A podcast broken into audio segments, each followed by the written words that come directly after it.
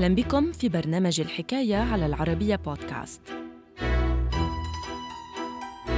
شهد عام 1962 اكتشاف رسم فريد من نوعه جسد لحظة تاريخية تمثلت في أقدم مصافحة موثقة ليومنا الحاضر.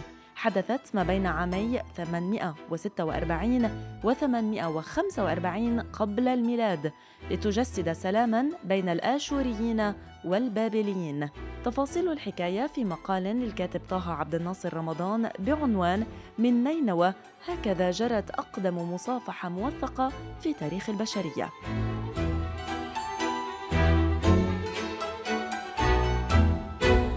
الحكاية.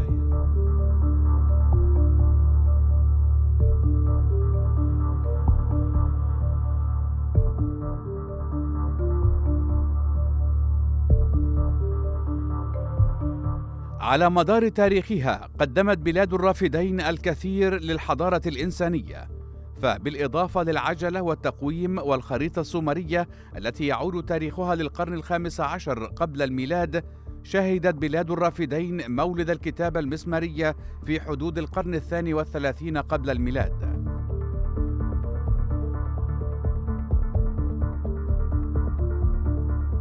كما عرفت أيضا ظهور أولى التشريعات القانونية بالتاريخ كإصلاحات أوركاجينا التي تعود للقرن الرابع والعشرين قبل الميلاد.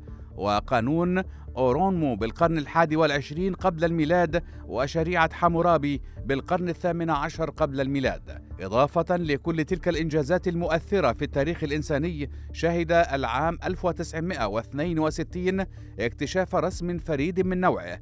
جسد لحظة تاريخية تمثلت في أقدم مصافحة موثقة ليومنا الحاضر.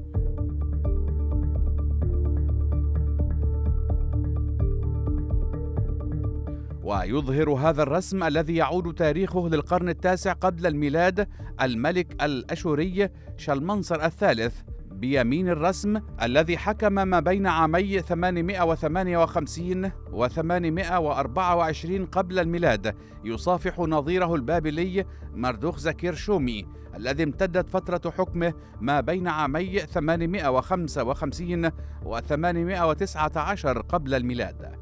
وقد اكتشف هذا الرسم الذي نحت بدقة عام 1962 بالطرف الشرقي من حجرة العرش للملك شلمنصر الثالث بمدينة النمرود الواقعة حاليا في نينوى بالعراق.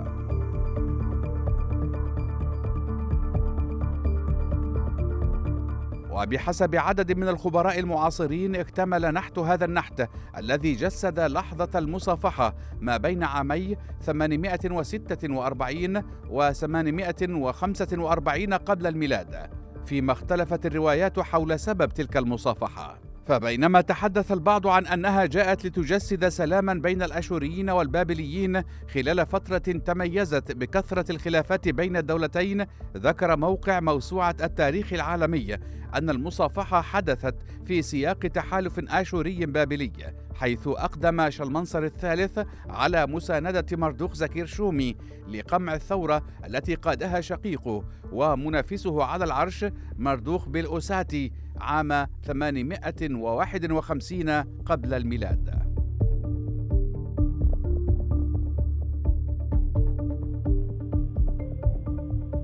وقد ساهم تدخل شلمنصر الثالث حينها في إنهاء الثورة ومقتل مردوخ بالأوساتي يذكر أن عملية المصافحة ظهرت لدى العديد من الحضارات الأخرى فبالقرن الثامن قبل الميلاد تحدث الشاعر الملحمي الإغريقي هوميروس المعروف أيضا بهومر عن المصافحة باليد في ملحمتيه الشعريتين الإلياذة والأوديسا.